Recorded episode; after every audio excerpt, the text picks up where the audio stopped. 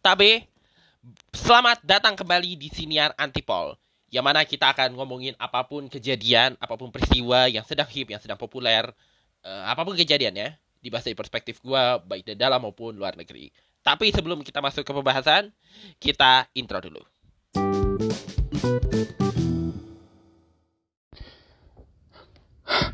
Memang gitu orang kaya. Kelakuannya suka belagu kayak harta bapaknya halal aja. Kalimat yang barusan gue ucapkan ini pasti gue cukup yakin pecinta film Indonesia, terutama sekali yang mengikuti cerita Warkop DKI pasti familiar dengan kalimat ini. Uh, eh, gue nggak tahu ini dari film apa, tapi kalimat ini sangat menggambarkan bagaimana uh, pandangan masyarakat terhadap kelakuan-kelakuan uh, siapa pun baik itu orang uh, orang-orang yang berpunya berduit uh, gak kira itu orang tuanya anaknya yang suka flexing segala macam cuma uh, kelakuan aneh-aneh gitu. Padahal kita nggak tahu dari mana dia dapetin harta itu kan gitu kurang lebihnya.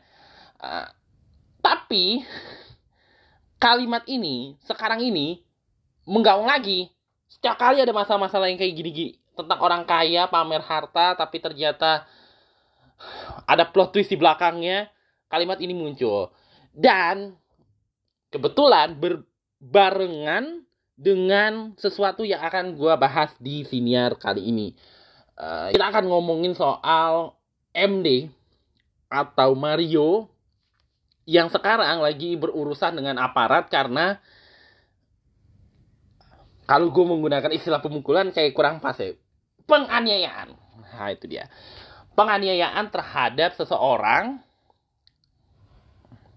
yang diketahui bernama D atau David uh, yang merupakan intinya dipicol tapi nggak ada kaitannya dengan uh, posisi David sebagai anaknya pengurus yang diketahui merupakan uh, pengurus sebuah ormas sebut saja GP Ansor tapi nggak ada kaitannya dengan Ansor kaitannya soal lain. Tapi akhirnya ini akhirnya membuat si MD terusnya bapaknya terusnya ibunya terusnya kekasihnya akhirnya ikut uh, menjadi sorotan publik. Bahkan ikut menyeret menteri agama yang juga ketua ansor dan menteri keuangan dalam pusaran kejadian ini. Tapi adalah kita langsung ke apa sih namanya keruntuhan kejadian biar nggak berpanjang-panjang. Jadi ada tadi seperti gue bilang ada dua orang nih, ada dua orang pemuda. Uh, yang satu umurnya gue nggak tahu ini masih SMA atau atau udah mau lulus SMA, gue nggak tahu. Si D dalam hal ini si David bukan David Brandy ini ya, bukan David Brandy Get In itu itu lain lagi ya guys. uh, dan ada seorang Mario atau MD uh, usianya 20 tahun mahasiswa. Nah, dua-duanya ini jadi rame karena ada sebuah video yang pada mulanya gue nggak ngerasa ngeh dengan kejadian ini dan kayak gini ya gue kan sering walaupun gue sering banget berselancar di Twitter ya atau sering banget ngikutin topik-topik Twitter cuma gue tuh kalau misalnya ada kejadian kayak ada orang nge-up sesuatu atau nge-follow up sesuatu yang berkaitan dengan drama-drama itu udah biasa lah di Twitter gitu. Orang info tweet war dan drama drama tweet war aja sering banget ya, apa ya ngeposting drama-drama yang berlangsung di ranah Twitter ini.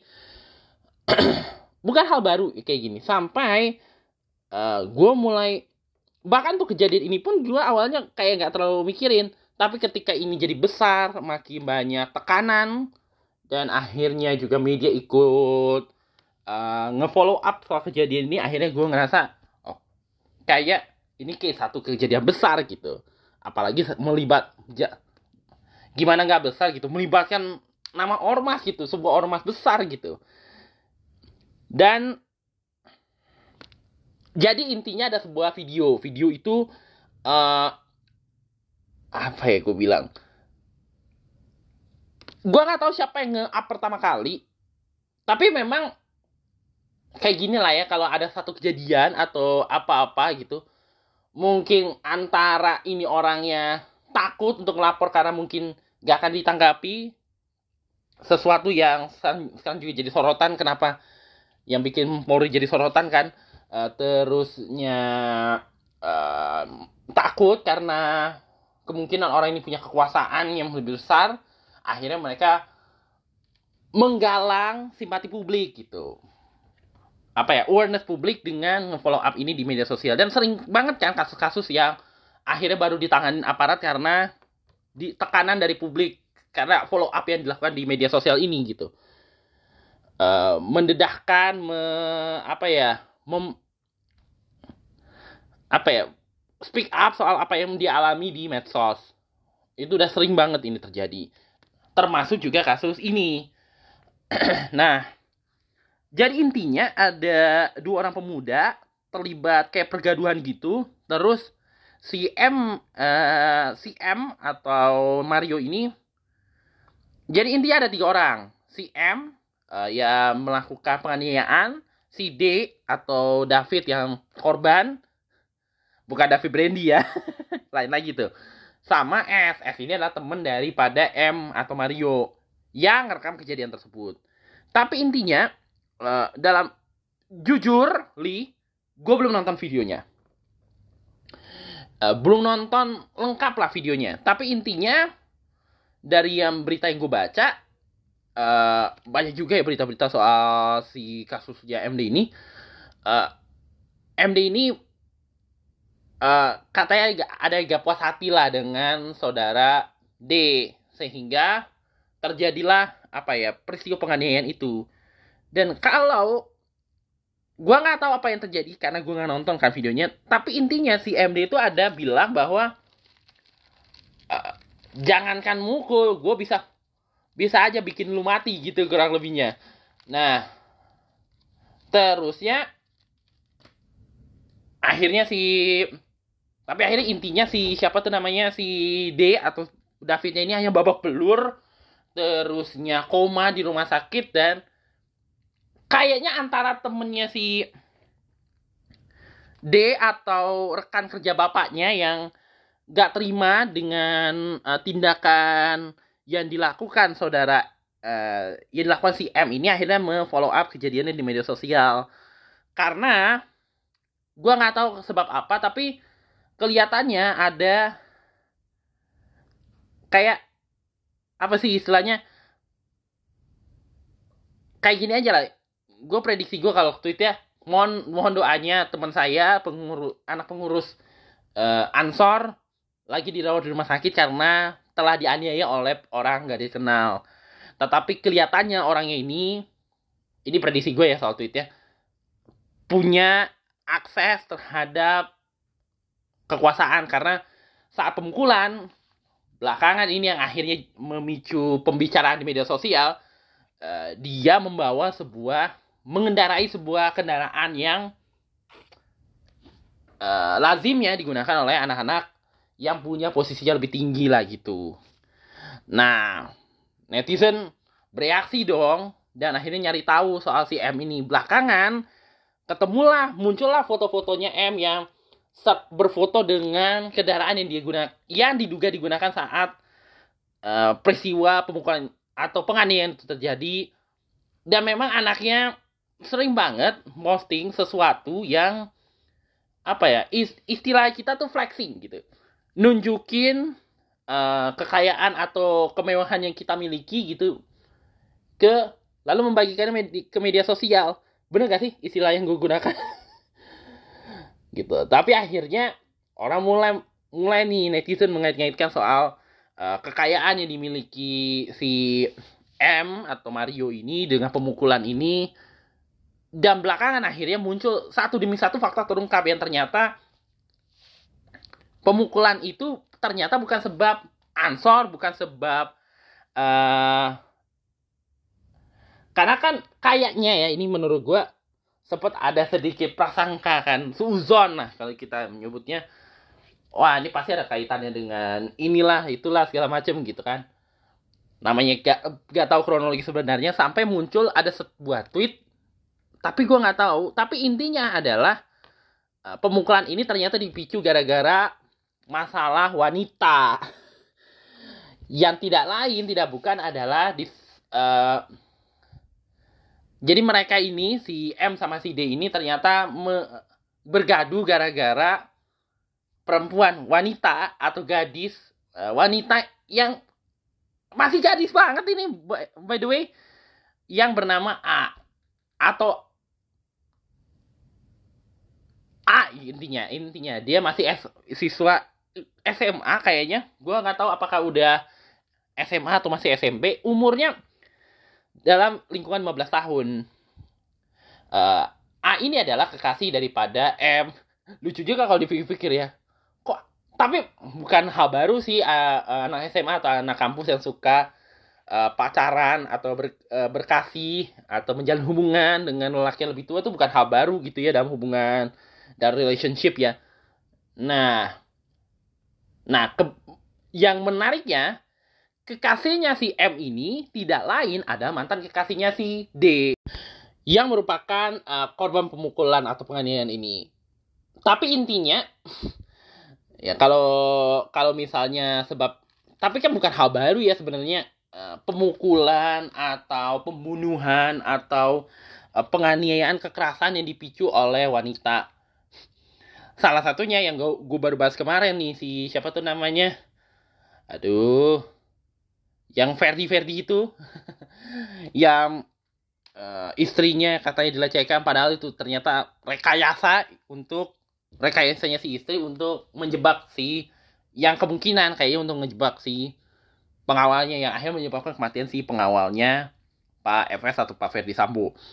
Nah, ini bukan hal baru sebenarnya. Uh, keributan atau peristiwa-peristiwa kekerasan atau pembunuhan gitu ya yang dipicu kalau di Indonesia tuh peristiwa pembunuhan atau kekerasan itu pasti karena dua hal. Kalau nggak sebab harta, ya perempuan gitu. Atau soal asmara, itu aja gitu. Nah, yang kasusnya M dan D ini ternyata dipicu oleh masalah asmara. Berkaitan dengan kekasih dan mantan kekasih. Kekasihnya M, si siapa si A ini, yang juga adalah mantan kekasihnya D ini prediksi gue ya, tapi boleh jadi keliru juga. Tapi intinya adalah, ya tadi gue bilang kayaknya si M ini ada tidak puas hati dengan D atau David. Tapi bukan, tapi gue nggak tahu sebab apanya. Tapi intinya gara-gara si A ini gitu. A ini kononnya ini ini yang gue baca ya, yang gue baca-baca dari pembahasan di netizen ataupun dari artikel media, kayak cerita sesuatu yang pernah dilakukan uh, si D ini ke dia. Uh, bener gak sih? Tapi tapi dari situ aja, gue udah punya bayangan. Walaupun gue nggak tahu ini bener atau salah ya. Uh, tapi denger kayak gini gue langsung keinget teringet lagi sebuah lagu. Lagu ini pernah viral pada masanya. Yang nyanyi Vildi Adiano lu inget gak ya lagu ini? Selalu cerita lebihnya mantanmu yang pernah berikan yang tak ku berikan. Uh, bayangan gue ke arah itu lucunya. Gue nggak tahu bener atau salahnya tapi bayangan gue ke arah situ. Mungkin ini ini prediksi gue uh, kayaknya si M atau Mario ini kayaknya mungkin saja uh, prediksi gue tuh kayaknya ke trigger dengan ceritanya A. Uh, soal kita uh, positive thinking aja gitu ya. Mungkin si D sama ber, ber, menjalin hubungan atau berpacaran dengan D ini uh, D memberikan sesuatu yang lebih dari apa yang dia dapatkan dari M. Sekalipun mungkin M kaya gitu ya dan juga punya kekayaan sebegitunya tapi nampaknya perhati kelihatannya perhatian yang diterima dia dari M ini nggak nggak seperti yang dia dulu terima dari mantan kekasihnya. Mungkin sebab apakah mungkin sebab itulah yang membuat dia trigger sehingga terjadi peristiwa yang kita gajang-gajangka ini? Atau sebab lain gue nggak tahu tapi intinya akhirnya terjadilah peristiwa itu. Dan ya seperti yang gue bilang tadi akhirnya ini jadi perhatian karena selain sebab uh, faktor wanita tapi juga uh, karena si ini menggunakan mobil yang bisa dibilang mobil dengan uh, harga yang cuma kalangan tertentu aja bisa ngejangkau. Nah, yang jadi sorotannya kemudian ya, nah ini uh, awalnya dari pertengkaran gara-gara wanita melebar ke masalah kekayaan yang dimiliki uh, uh, kendaraan-kendaraan yang sering diflexing anaknya ini yang ternyata adalah kendaraan dan harta yang dimiliki bapaknya. Bapaknya yang bernama RR ini adalah pegawai Dirjen Pajak. Uh, gua nggak tahu eselonnya berapa, tapi kayaknya posisi dia tuh masih di bawah Dirjen gitu. Uh, yang penghasilannya nggak, gua nggak tahu penghasilan tunjangannya segala macam gua nggak ngerti. Tapi akhirnya itu akhirnya jadi sorotan berikutnya karena dari mana nih kok bisa sampai anaknya punya mobil segala macem bapaknya kerja apa sedang dilihat juga dari LHKPN-nya dan segala macemnya nah, terjadilah pris akhirnya bukan terjadilah ya akhirnya orang mulai nyerang nih gelap-gelap nyerang bertubi-tubi lah. Tekanannya bertubi-tubi dari netizen dari publik terkait dengan peristiwa ini. Uh, dari awalnya speak up soal mencoba uh, speak up soal adanya pemukulan akhirnya jadi apa sih namanya pertubiran lah gitu istilahnya gue. Istilah yang gue sering dengar di JKT pertubiran. Nah itu dia.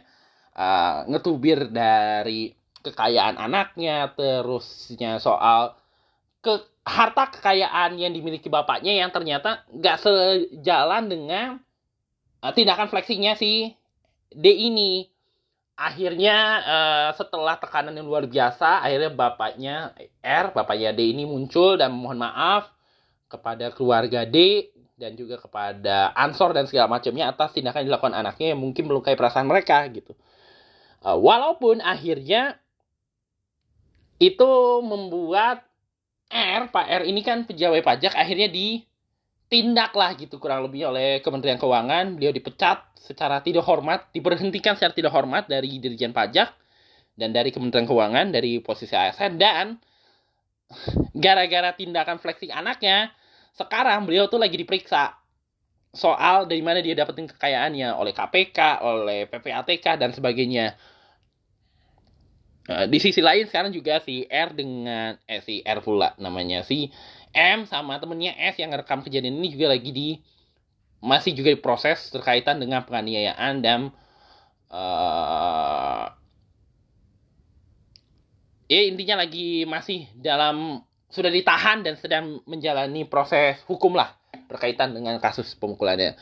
Uh, belakangan akhirnya juga Bu Sri Mulyani ikut turun tangan, uh, Pak siapa tuh namanya? Pak Yakut Hal Kaumas Menteri Agama yang juga ketua PBP Ansor. Sor ketua GP Ansor yang uh, pengurusnya anak pengurusnya ini jadi korban peristiwa tersebut juga akhirnya ikut turun tangan. Bahkan beliau ada sempat nge-tweet nge-tweetnya kira-kira kayak gini yang jelas ada foto dia lagi uh, ngeliat putra dari uh, rekannya yang lagi dirawat di rumah sakit. Terus dia bilang anaknya pengurusku ini juga anakku juga gitu gitu. Uh, terusannya gue nggak tahu. Tapi ya itulah yang terjadi antara ya gitulah uh, runutan kejadian yang terjadi antara F F lagi astagfirullahaladzim yang terjadi antara MD dan si D dan A dan dan masalah yang menyebabkan terjadinya penganiayaan tersebut. Sekarang gue mau nah tadi kan gue sempet ngemulai siniar ini dengan masalah soal kecenderungan orang kaya yang suka pamer harta uh, tapi tanpa pernah tahu dari mana barang itu pamernya itu tanpa pernah tahu barang itu dapat dari mana. Nah kan netizen ini menyoroti soal si siapa tuh namanya si MD ini yang apa sih namanya suka foto-foto. Kan akhirnya ini kan jadi sorotan kan pada akhirnya uh, gara-gara kasusnya pemukulan terhadap uh, R R lagi. Si D ini kemudian kehidupan keluarganya disorot gitu kan.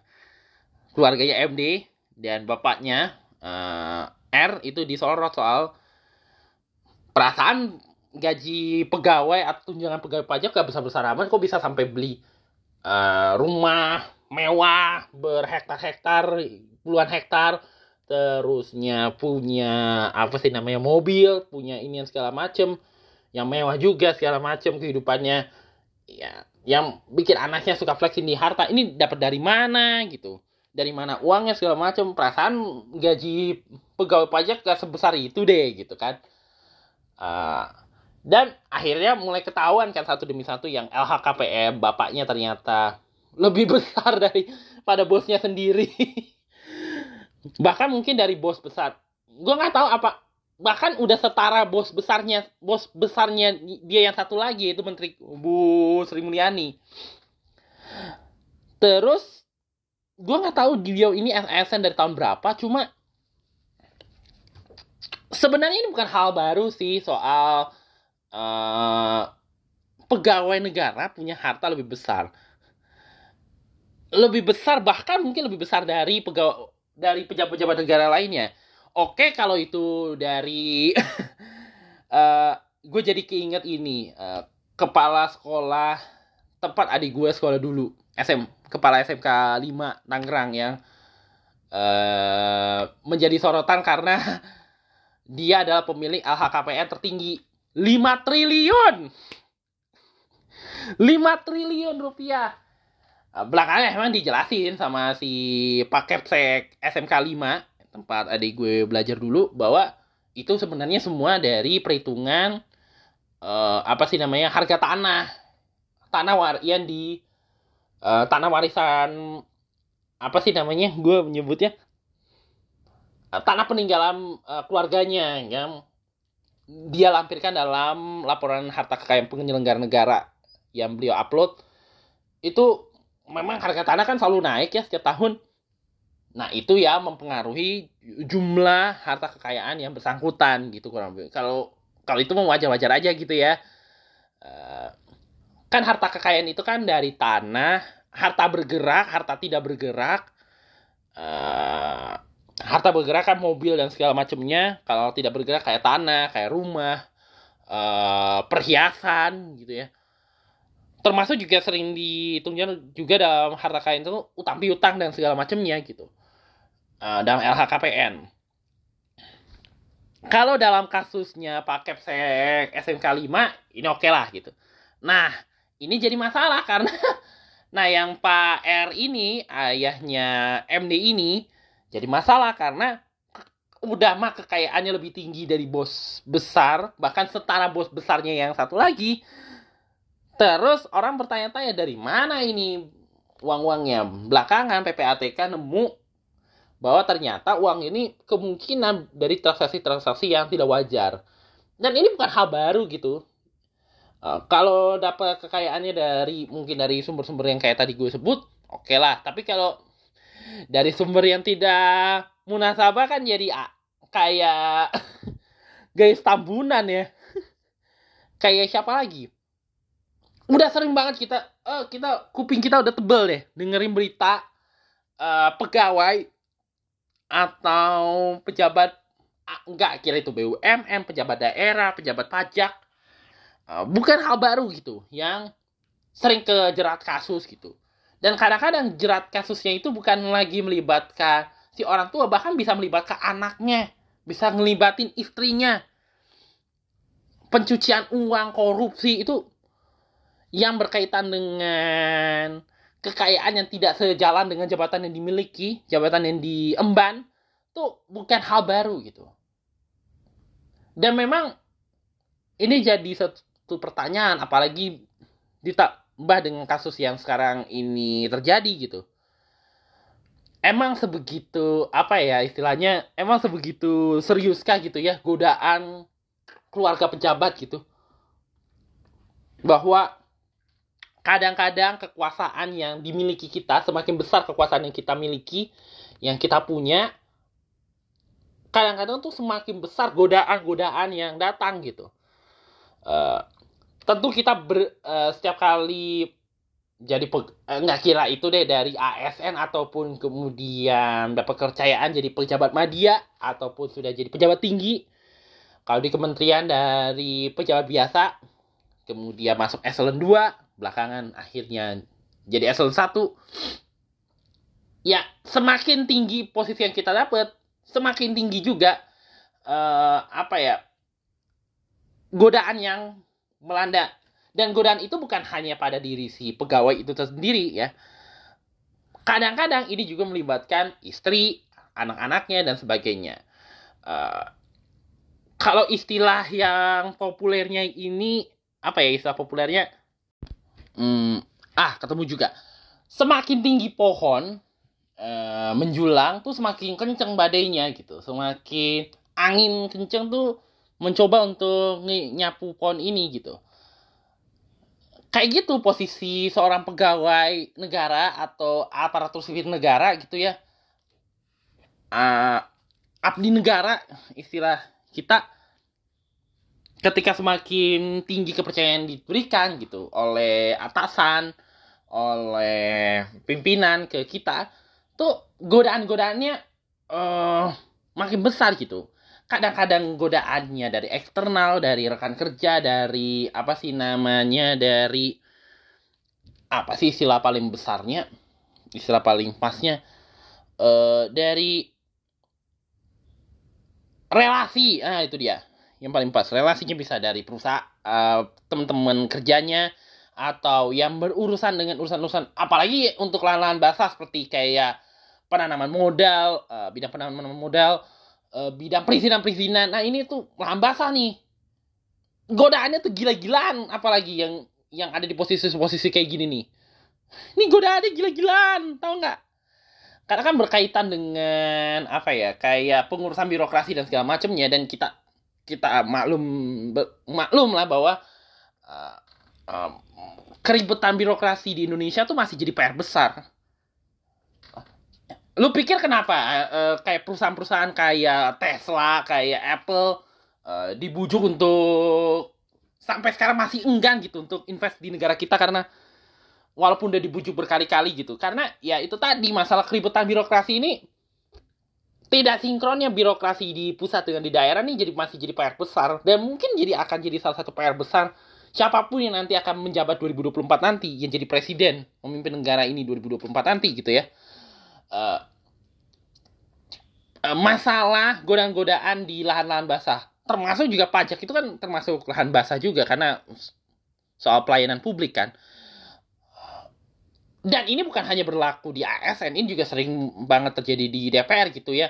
Semakin besar kepercayaan diterima uh, para legislator atau kepala daerah, godaannya gila-gilaan. Salah satu godaan yang paling besar kalau cuma bedanya uh, kalau para politisi yang jadi anggota dewan atau jadi kepala daerah tuh godaan terbesarnya tuh uh, apa sih namanya politik uang gitu godaan terbesarnya korupsi politik. Bahkan dari mereka maju pun udah uh, biaya politiknya udah besar banget ya. Kadang-kadang uh, saking besarnya nilai politik bingung bingung tuh eh, cara ngembaliin duitnya gitu. Sehingga ter, sering deng, kita dengar uh, anggota DPR terjerat kasus korupsi atau politisi bupati uh, kejerat kasus korupsi gitu. Nah kalau pegawai negara biasanya tuh dari perizinan uh, potensi korupsinya atau potensi penyalahgunaan wewenangnya tuh dari perizinan, dari pengurusan dengan relasi dan segala macamnya. Uh, kalau di Dirjen Pajak tuh dengan klien-klien yang berusaha dengan perpajakan, kan biasanya gitu ya. orang orang-orang mungkin saking pengen menghindar dari pajak, bisa nggak ini dikurangin segala macam? Nanti saya janjiin ini loh gitu. Ini itu kenapa akhirnya si Gayus Tambunan bisa keseret dalam kasus uh, urusan perpajakan perusahaan besar gitu. Dan akhirnya kan viral dulu ya uh, Gayus Tambunan yang punya kekayaan besar tapi nggak sejalan dengan apa sih namanya dengan posisi dia gitu. Hartanya uh, penghasilan dia dapatkan berapa tapi kekayaan yang dimiliki gila-gilaan termasuk dulu juga masalah pajak ini juga pernah terjadi sama ada ada yang pembocor itu yang sempat masuk penjara tuh. Itu juga mencuri perhatian termasuk belakangan kasus ini juga si Pak R ini dan putranya MD tapi ya itu tadi gitu kadang-kadang kita bermaksud uh, untuk nunjukin kekuasaan tapi cara menunjukkan kekuasaannya itu suka salah jalan nah, kayak gitu tuh yang terjadi sama saudara MD ini gitu.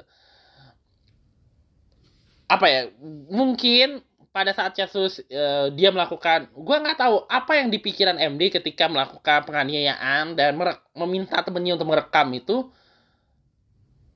Gue nggak tahu apa apa yang dipikiran dia apakah mau bikin orang ini malu gitu dan ini segala macem.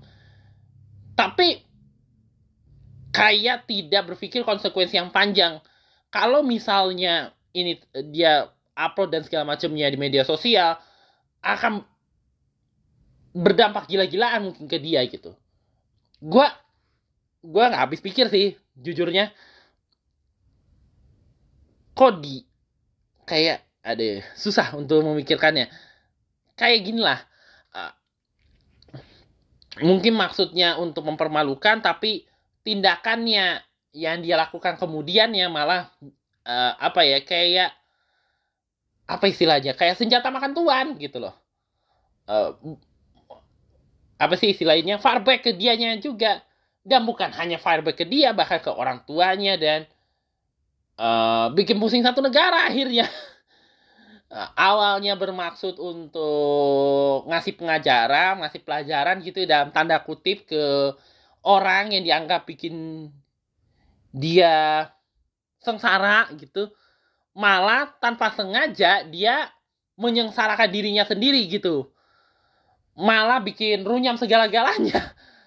Malah buat pusing satu orang lagi pada pusing-pusing soal keributan politik soal apa sih namanya tuh yang masalah ekonomi dan segala macamnya dibikin pusing lagi sama hal-hal yang gue bisa bilang gue mau bilang bodoh tapi aneh juga uh, agak aneh lah gitu Dan gue jujur kehabisan kata-kata gara-gara kasus ini. Beneran dah. Tapi itu yang akhirnya terjadi gitu. Ketika kadang-kadang gitu ya. Uh, ketika kita sebagai pegawai negara punya eh nanti kita juga ngerasain kok di dunia kerja juga gue juga pasti akan ngerasain hal yang sama. Gue dan uh, saat kita punya nggak punya apa-apa kita kayak ngeluh segala macem uh, ngeluntar lantung gak jelas. Tapi ketika kita megang duit kadang-kadang kita suka uh, diuji itu apakah uang yang ki apakah yang kita terima itu bikin kita lebih baik gitu ya bikin kita uh, fokus pada tujuan kita. Mungkin pada saat kita masuk kerja atau menjalankan tugas mungkin niatnya udah pasang niat. Misalnya untuk memenuhi kebutuhan keluarga kalau kalau para pekerja atau kalau pegawai negara untuk mengabdi kepada negara gitu kurang lebihnya. Eh, tapi ketika akhirnya kita masuk di posisi itu udah mulai uh, menerima uh, imbalan dari yang dalam hal ini dalam bentuk uh, tunjangan gaji gitu apakah kita bisa fokus atau amanah dengan apa ya, tujuan awal kita atau justru melenceng dan uh, melakukan hal penyalahgunaan dan segala macamnya gitu melakukan praktik-praktik untuk bisa mendapatkan lebih banyak lagi uh, apa ya harta atau kemewahan yang kita dapatkan gitu.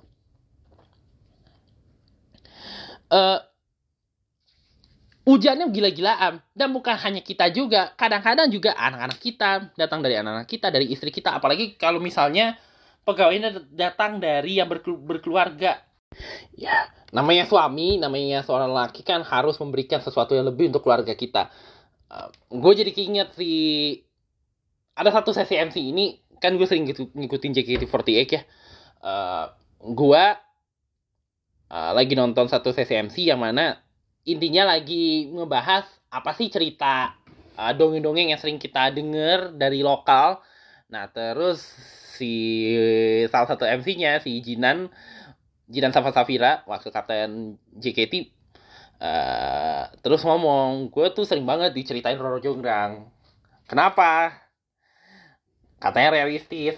Katanya si cerita Roro Jonggrang itu realistis. Uh, uh, moral value-nya lu nyari cowok tuh mesti yang bisa ngasih lebih ke pasangannya.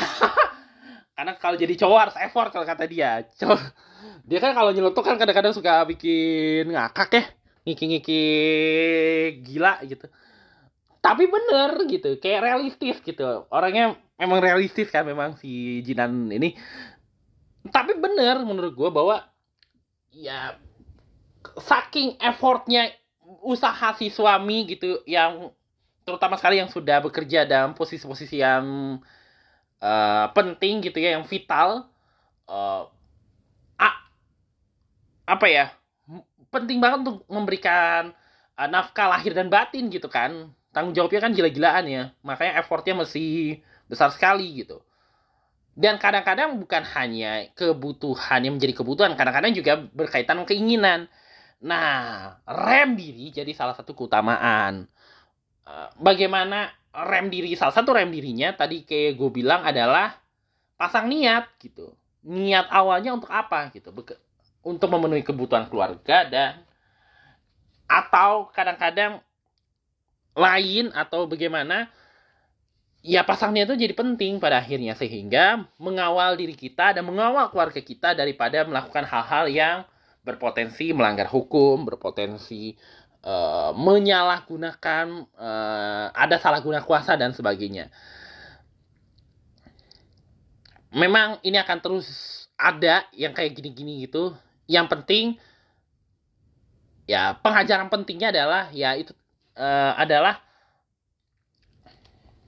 kalau kita punya ayah atau punya orang tua gitu yang pertama kita punya orang tua yang uh, berkemampuan intinya jangan terlalu inilah kalau kalau apa ya mau nunjukin sesuatu kalau mau motret atau mau posting atau ini sesuatu apa sih namanya jangan terlalu gue mau ngomong kayak gimana ya?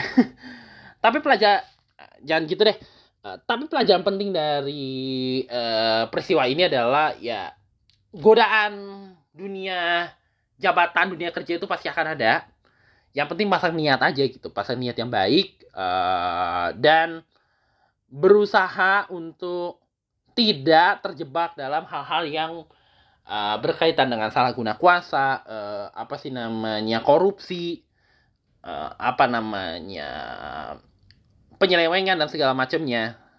Uh, pasang niat yang baik gitu bahwa bekerja untuk memenuhi kebutuhan keluarga untuk membang apa ya membantu mempermudahkan kerja perusahaan atau kerja lembaga pemerintah dan berusaha mengawal keluarga kita untuk tidak terjebak oleh apa sih namanya hal-hal yang boleh merugikan diri sendiri dan orang lain dan merugikan keluarga juga tentunya. Uh, semoga peristiwa yang terjadi dengan MD ini bisa dan nah ini satu lagi yang penting, gua gua sampai lupa. Uh, kayak gimana ya cara ngejelasinnya? uh, hubungan asmara pasti ada ada aja ya. So, karena ini kan ada faktor cewek kan dalam penganiayaan ini. Uh, hubungan uh, relationship itu pasti ada aja goncangannya. Uh, ketika kita menjalin hubungan gue kan belum pacaran ya sebaiknya jangan terlalu inilah apa ya berusaha untuk tenang ketika uh, kekasih kita uh, melaku menyampaikan sesuatu yang apa sih namanya apa sih istilah pasnya menyampaikan sesuatu yang berkaitan dengan hubungannya dahulu. Coba untuk tenang jangan terlalu inian karena kan salah satu tujuan dari hubungan kan adalah untuk bisa lang langgeng ke jenjang berikutnya. Kadang-kadang kesabaran sangat dibutuhkan soal ini. itu aja tambahan dan sedikit kesimpulan. Dan terutama, tapi di sisi lain juga, gue berharap kasus ini jadi pelajaran agar ya itu tadi gue bilang amanah dalam bekerja gitu sehingga dengan amanah pasang niat benar hal-hal yang berkaitan dengan penyalahgunaan kekuasaan, apalagi yang berkaitan dengan uh, apa sih namanya uang rakyat gitu ya, bisa kita hindari dengan sebaik-baiknya. Jadi itu aja sih pembahasan panjang gua uh, ya sepanjang kali lebar di siniar ini. Uh, kalau ada manfaatnya boleh diambil, kalau tidak ya udahlah anggap saja ini adalah curcolan bukan curcolan ya celotehan seorang gua di siniar ini. Kita ketemu lagi di, di pembahasan berikutnya di siniar antipol analitika populer.